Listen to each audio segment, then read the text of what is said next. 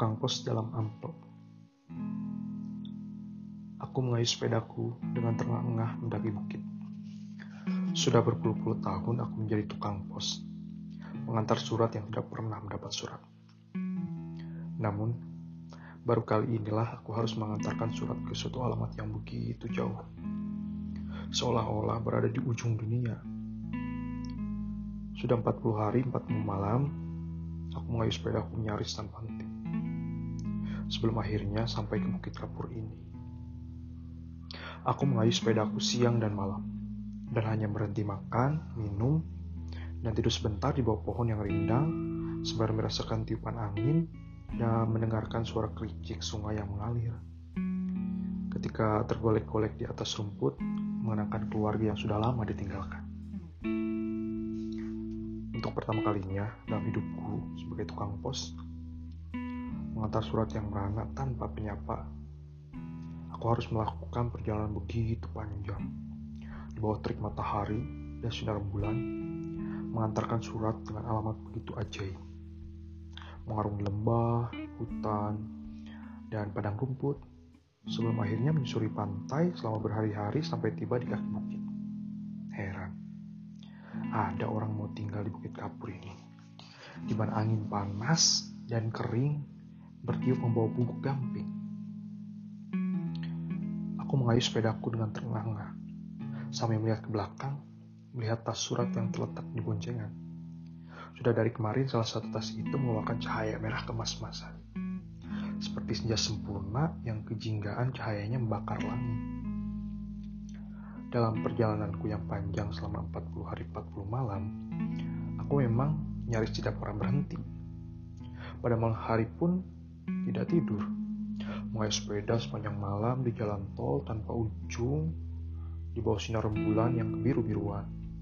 Tapi aku selalu berhenti apabila senja menjadi sempurna.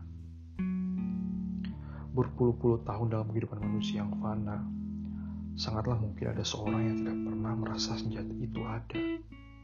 Namun, aku bukan orang yang seperti itu. Memang, senja sering kali juga begitu-begitu saja tanpa cahaya merahnya yang kejingga-jinggaan, dengan hamparan mega-mega yang terbentang dalam sepuhan keunguan, sehingga tampak bagaikan kapas yang dicelup warna muda, tanpa lempengan matahari raksasa yang tenggelam kembali cakrawala dengan geletar yang buat udara bergelombang dan perasaan menjadi rawan. Bagiku, menghayati senja sama pentingnya dengan berdoa di dalam kuil. Dalam perjalananku yang mengayuh sepeda 40 hari 40 malam, beberapa kali kujumpai kuil-kuil yang sudah menjadi runtuhan maupun yang masih digunakan. Tapi aku tidak pernah berhenti di kuil mana pun. Hanya apabila senja menjadi sempurna dan cahayanya yang kemas-masan membuat langit membara sebelum menjadi ungu, biru, dan kelam, aku akan berhenti menghayatinya bagaikan suatu pacaran. Sebelum kembali melanjutkan perjalanan. Makanya, aku sungguh mengenal cahaya senja kemasan-masan dari tas surat di boncengan. Aku hanya heran bagaimana mungkin ada cahaya senja yang merah kejingga-jinggaan bisa memancar dari dalam tas surat. Di bukit ini akhirnya aku berhenti. Penasaran juga rasanya melihat tas surat memancar-mancarkan cahaya seperti itu. Apalagi cahaya yang memancar-mancar itu seperti berbisik dan memanggil-manggil. Semua surat sudah kuantar ke berbagai pelosok bumi. Aku telah mengantarkan surat kepada seorang tukang pedati. Aku menyampaikan surat itu ketika pedati yang ditarik seekor kuda itu masih berjalan mengelilingi bumi. Kata orang, Pedati itu sudah berjalan selama seribu tahun dan tidak sampai-sampai juga. Pedati itu sudah mengelilingi bumi sampai 40 kali, sehingga setiap orang mengenalnya. Itu baru saja lewat, kata seseorang ketika kutanya. Aku juga telah mengantarkan surat kepada seorang pengemis yang paling susah dicari. Karena surat kepadanya sama sekali tidak beralamat tapi aku ditugaskan menyampaikannya juga. Buset. aku tidak akan pernah menemukannya kalau bukan pengemis itu sendiri yang menyapa aku di sebuah kedai arak di tepi jurang. Kau bawa surat untukku, katanya mantap. Ku ambil suratnya. Anda pengemis termiskin di dunia? Ya, itu aku. Kulihat pengemis termiskin di dunia itu ia tidak punya tangan, tidak punya kaki, tidak punya hidung, dan tidak punya mata. Tapi ia ditandu empat perempuan pengemis yang jelita. Letakkan di sini, katanya sambil membuka mulutnya. Kuletakkan surat itu di mulut yang lantas mengikitnya.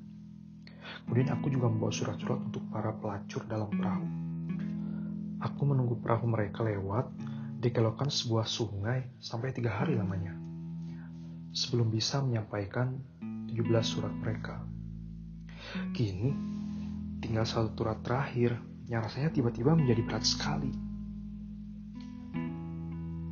Anak-anak desa yang sedang mengembala kambing ikut berkerumun ketika aku mengambil surat dari dalam tas di boncengan. Cahaya, cahaya, teriak mereka. Mereka berkumpul dan menatapku dengan mata bertanya-tanya Ku ambil amplop itu berat juga untuk ukurannya. Malah berat sekali. Heran, aku bisa kuat bawanya selama ini. Rupa-rupanya ada celah yang terbuka. Petugas Federal Express di kota di mana pelangi tidak pernah memudar itu kurang teliti merekatkan menutup amplop. Payah. Itulah kalau kerja sudah menjadi rutin. Tidak terpikir bahwa surat bukanlah sekedar surat, sebuah surat adalah pesan, kandungan rohani manusia yang mengembara sebelum sampai tujuannya. Sebuah surat adalah sebuah dunia, di mana manusia dan manusia bersua. Itulah sebabnya sebuah surat harus tertutup rapat, pribadi dan rahasia. Dan tak seorang pun berhak membukanya. Masalahnya, surat ini sekarang sudah terbuka. Dan aku yang dengan tidak sengaja menengok ke dalamnya bagaikan langsung tersihir. Awas pak, jangan masuk, itu senja. Anak-anak itu berteriak. Aku tidak ingin masuk, tapi aku tersedot di dalamnya. Seperti mimpi saja rasanya tiba-tiba aku sudah berada di dalam amplop dan berenang seperti ikan. Ternyata amplop ini memang berisi senja sepotong senja di mana terdapat matahari yang sudah terbenam separuh di cakrawala. Tapi di dalam amplop, semesta adalah dunia air dan aku menjadi ikan yang bisa bernapas dengan insan. Aku menjadi manusia ikan. Sekarang aku tahu bahasa ikan. Dalam dunia air, aku mendengar banyak sekali suara-suara. Yang setelah aku perhatikan ternyata adalah kata-kata. Ikan-ikan adalah para penyair mereka bertukar kata dengan puisi yang tak terjemahkan dalam bahasa manusia. Samudra mengenangi semesta.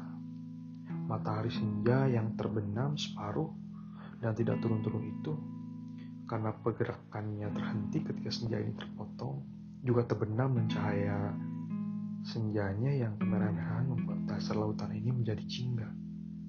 Aku berenang di dalam lautan jingga dan melihat segala hal yang biasanya tampak di muka bumi ini terendam air. Gunung gemunung, gedung-gedung, dan jalan-jalan raya tampak berkilat emasan di dalam air yang jingga. Membuat segalanya sebab baru dan mengherankan. Aku jadi ngeri. Bagaimanakah surat ini nanti akan diterima? Aku meluncur di dasar lautan seperti ikan menuju matahari yang membuat segala-galanya menjadi jingga. Matahari itu tampak begitu besar, begitu dekat, tetapi yang ternyata begitu jauh. Apakah matahari di dalam lautan ini sama jauhnya seperti yang terlihat di atas bumi? Kalau memang begitu, pastilah air lautan ini banyak sekali. Memenuhi ruang angkasa sampai menenggelamkan matahari dan bintang-bintang dari segenap galaksi. Buset. Dunia telah dikuasai ikan. Dan aku menjadi manusia ikan di dasar lautan di dalam amplop. Lama sekali aku meluncur, sampai lupa makan dan lupa minum. dan juga lupa waktu. Aku, tak tahu berapa lama dan berapa jauh aku sudah muncul. Hanya melihat matahari dasar lautan yang masih juga terbenam separuh itu. Tidak pernah menjadi dekat. Aku meluncur seperti ikan bersama ikan maupun sendirian mengarungi lautan. Ku dengar percakapan ikan, ku dengar nyanyian ikan, ku dengar bisik-bisikan, ku dengar rintihan ikan, ku dengar cerita ikan, ku dengar derita ikan. Astaga. Apa kita tidak bisa sekedar agak menjauh sedikit dari penderitaan? Dan di kejauhan, kulihat ikan paus merah yang bersih badar itu merintih. Seperti sesuatu yang pernah aku kenal. Aku berhenti, mencoba mendengar lebih jelas, dan ku dengar Semakin banyak suara yang seperti pernah aku kenal. Aku menyelam lebih dalam, dasar lautan telah menjadi begitu terang dan berkilat kemas-masan. Karena matahari yang terbenam itu, aku terus menyelam. Semakin dalam, semakin dalam, sampai bisa kutemukan bahwa suara-suara itu ternyata berasal dari Candi Borobudur. Aku berenang di antara stupa-stupa berlumut dan menyaksikan bahwa patung-patung batu yang bersama di itu ternyata bersuara seperti doa. Tapi entahlah, itu doa atau mantra atau gumam atau sekedar suara-suara. Jadi inilah suara-suara yang dibawa cahaya dan kudengar di atas sana. Hmm, apa jadinya bila amplop ini dibuka? Kujelajahi sisa-sisa peradaban manusia di dasar laut. Kuhapus lumut yang menutupi prasasti-prasasti terpendam dan kubaca sejarah seperti yang pernah berlangsung di muka bumi. Dan di dalam air itu aku menjadi sangat sedih. Aku mungkin menangis, tapi aku tidak bisa mendengar suaraku sendiri. Air mataku bercampur air laut sehingga air mata tidak mempunyai makna lagi. Aku berenang di antara ikan, di dalam kota, kota cahaya, dasar laut yang masih utuh seperti ketika belum terendam. Ku tengok ke atas, tak ada permukaan air. Semesta adalah dunia air. Kulihat tanganku yang telah bersisik, jari-jariku yang dihubungkan selaput, dan dari sebuah cermin besar di bekas sebuah kafe, kulihat betapa punggungku ditumbuh sirip. Apakah semua ikan ini juga berasal dari manusia? Di bawah ketiakku pun tumbuh selaput yang buat aku bisa mengepak seperti ikan pari. Hmm. Kurasa aku betul-betul menjadi manusia ikan. Mungkin sudah lama sekali, tapi mungkin juga baru sebentar. Entahlah, apakah waktu masih penting sekarang ini? Dan apakah masih bisa dihitung? Aku hanya tahu bahwa aku beranak pinak dengan cepat sekali kawin dengan seekor ikan lumba-lumba dan melahirkan spesies baru. Anak-anakku menjadi makhluk air yang punya kecerdasan, sehingga dimungkinkan membangun kembali sebuah dunia yang beradab dalam air. Kota-kota cahaya yang dahulu dibangun manusia mulai dihuni oleh keturunan anak-anakku yang mengawini ikan-ikan lain. Kami bangsa baru di dalam air, berkembang biak dengan sangat cepat aku sudah menjadikan sepenuhnya. Suatu jenis ikan yang belum pernah ada di dunia. Tubuhku bersisik, punggungku bersirip, tanganku seperti gabungan sayap kelelawar dan ikan pari. Kakiku disatukan selaput, sementara kepalaku melonjong seperti ikan, tapi tetap berunsur manusia. Mataku syukurlah tetap mengenal cahaya senja kepada keturunanku, kuriwayatkan sejarah manusia di muka bumi, yang dengan segala kelebihannya dari segenap makhluk lain, tak pernah mampu menahan dirinya sebagai penghancur. Bangsa kami terheran-heran, tak mengerti jika mendengar kisah manusia. Mereka tidak bisa membayangkan betapa mungkin manusia menghancurkan hutan, mengotori laut, menyantap makhluk-makhluk lain, dan membantai samanya tanpa perasaan. Mereka tak mengerti betapa mungkin manusia menjadi begitu jahat dan dengan kecerdasannya hanya merusak semesta yang suci. Demikianlah di dasar laut yang selalu bercahaya kemasan, seperti senja ketika matahari terbenam, terbangun sebuah peradaban yang mencoba belajar dari kesalahan manusia. Berjuta-juta spesies makhluk air baru berdasarkan berbagai persilangan membangun dunia beradab yang melanjutkan tujuan-tujuan manusia. Aku suka menjelajah di kota-kota bercahaya kemasan, dasar laut atau meluncurkan diri ke galaksi dalam semesta yang hanya berisi air. Segala bintang terendam air, semesta adalah air, dunia adalah air, yang menghilang dengan cahaya senja dari matahari yang terbenam separuh. Pastilah perjalananku lama sekali, tahu di luar amplop ini ada seorang menunggu surat. Tapi aku merasa sulit mengambil keputusan karena aku bukan hanya menemukan, melainkan membangun kehidupan baru. Kalau aku keluar lagi dari amplop, aku hanya akan menjadi tukang pos yang harus mengantarkan surat ke sana kemari. Lagi pula, aku tidak tahu jangan kembali. Dari semesta air ini, aku tidak melihat sesuatu yang merupakan yang keluar Sembari berenang di antara bintang, aku terkenang kehidupanku sebagai tukang pos, maupun keluargaku yang ditinggalkan.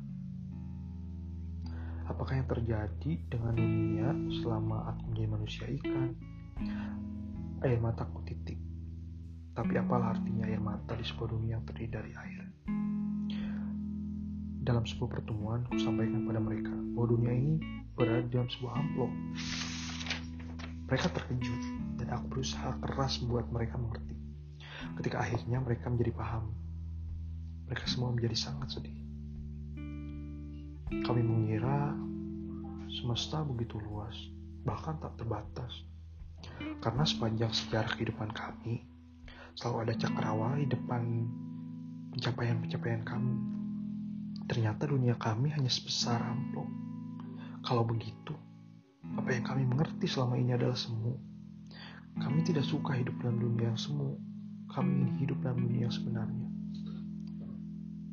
Tapi kalian tidak bisa hidup tanpa air. Kami tidak peduli. Lebih baik kami mati dalam kenyataan ketimbang hidup dalam suatu yang semu. Kalau begitu kita semua akan mati. Kenapa? Karena yang tidak kita ketahui lebih banyak dari yang kita ketahui. Dan yang tidak diketahui itulah yang akan menjadi penyebab kematian kita semua. Kalaupun harus begitu tidak apa-apa, kata mereka. Kalau begitu kalian tidak pernah belajar apa-apa. Untuk apa semua ini dibangun kalau hanya ingin mengulangi bencana yang sama? Apakah kami harus menyerah dan hidup di dalam amplop? Pengetahuan itu dibangun setapak demi setapak. Kalian tidak bisa meloncat begitu saja keluar amplop tanpa tahu apa yang akan kalian hadapi di amplop itu. Aku yang dari sana saja tidak tahu bagaimana caranya kembali. Semenjak itu, hampir semua makhluk air yang memiliki kecerdasan itu mencari jalan-jalan keluar dari amplop. Setiap gua dan terusan diselusuri. Siapa tahu seperti sebuah jalan yang menghubungkannya dengan dunia air di luar amplop. Aku menjadi sangat takut dengan cita-cita kemajuan yang tidak kunjung padam. Aku pergi ke Candi Borobudur dan melihat-lihat patung-patung batu di dalam stupa masih bergumam, seperti mendengarkan mantra-mantra. Suara-suara itu merayap bersama cahaya senja, larut dalam gelombang air, berdenyar-denyar dalam kertap keemasan yang melintasi relif sepanjang dinding batu. Makhluk-makhluk air keturunanku suka berziarah ke Borobudur. Candi itu dipenuhi ikan dan menjadi jauh lebih hidup daripada sebelumnya. Aku ingin menyampaikan berita ini kepada dunia. Namun bagaimana caranya? Aku ingin membuat catatan, tapi di dunia air ini kami tidak punya huruf. Dengan cara kami berpikir sama sekali lain. Ucapan kami berlangsung dalam pikiran. Karena mulut kami tidak berlidah, kami tidak bertelinga, dan air tidak akan mampu menghubungkan suara-suara kami sehingga terdengar seperti kami menyuarakannya. Aku masih melamun di Candi Borobudur. Ketika senja tiba-tiba beraja, matahari yang terbenam separuh selama berabad-abad itu bergerak kembali. Senja akan berubah menjadi malam. Dunia akan menjadi gelap dan segalanya akan menjadi lain. Ikan-ikan berenang mundur. Makhluk air terkejut dan belingsatan. Cahaya senja yang merah kemas-masan itu memudar dengan cepat, meninggalkan nuansa ungu yang kelam. Dan dasar lautan yang tadinya selalu terang berubah menjadi gelap dan gelap sama sekali. Aku terpaku di tempat meraba-raba dinding candi. Di sekitarku hanya kegelapan dan aku tidak bisa melakukan apa-apa. Inilah malam. Apakah esok matahari akan muncul lagi? Aku menjamkan mata. Dunia dalam mataku yang terpejam ternyata lebih terang daripada dunia dengan mata terbuka yang kehitamannya jauh lebih hitam dari hitam yang paling hitam. Dalam dunia dengan mata terpejam masih kulihat senja itu. Senja dengan matahari yang separuh terbenam. Pada saat mataku terpejam itulah mendengar suara memanggil Pak, Pak, sudah dibilang kan jangan masuk ke amplop itu, dalamnya ada senja. Kulihat orang-orang mengerumuniku. Seragam tukang pos yang mengenalkan bahasa kuyuk. Aku tergeletak di dekat sepedaku yang tergolek dengan roda berputar. Aku bangkit berdiri. Kulihat orang-orang di sekitarku. Mereka menatapku dengan mata berbinar-binar. Bapak masih seperti dulu ketika masuk ke dalam amplop itu. Padahal 10 tahun lamanya Bapak berada di dalam amplop. Bapak tidak bertambah tua. Anak-anak itu sudah menjadi remaja. Mereka meninggalkan desa ini Kulihat amplop itu, kupungut dan kuretak, kurekatkan kembali tutupnya yang terbuka. Masih ada basah air di bagian luarnya. Masukkan kembali amplop itu ke dalam tas surat. Lantas kuberdirikan sepedaku. Kuperhatikan sepeda itu agak berubah. Maaf pak, selama bapak ada di dalam amplop, sepeda itu kami pinjam untuk main-main. Tak apa-apa kan pak? Habis bapak lama sekali di dalam sepeda itu sudah banyak sekali berjasa pak ada perempuan hamil yang diantar pakai sepeda itu ke dukun beranak. Di danau terima kasih pak. Sekali lagi ma mohon maaf ya.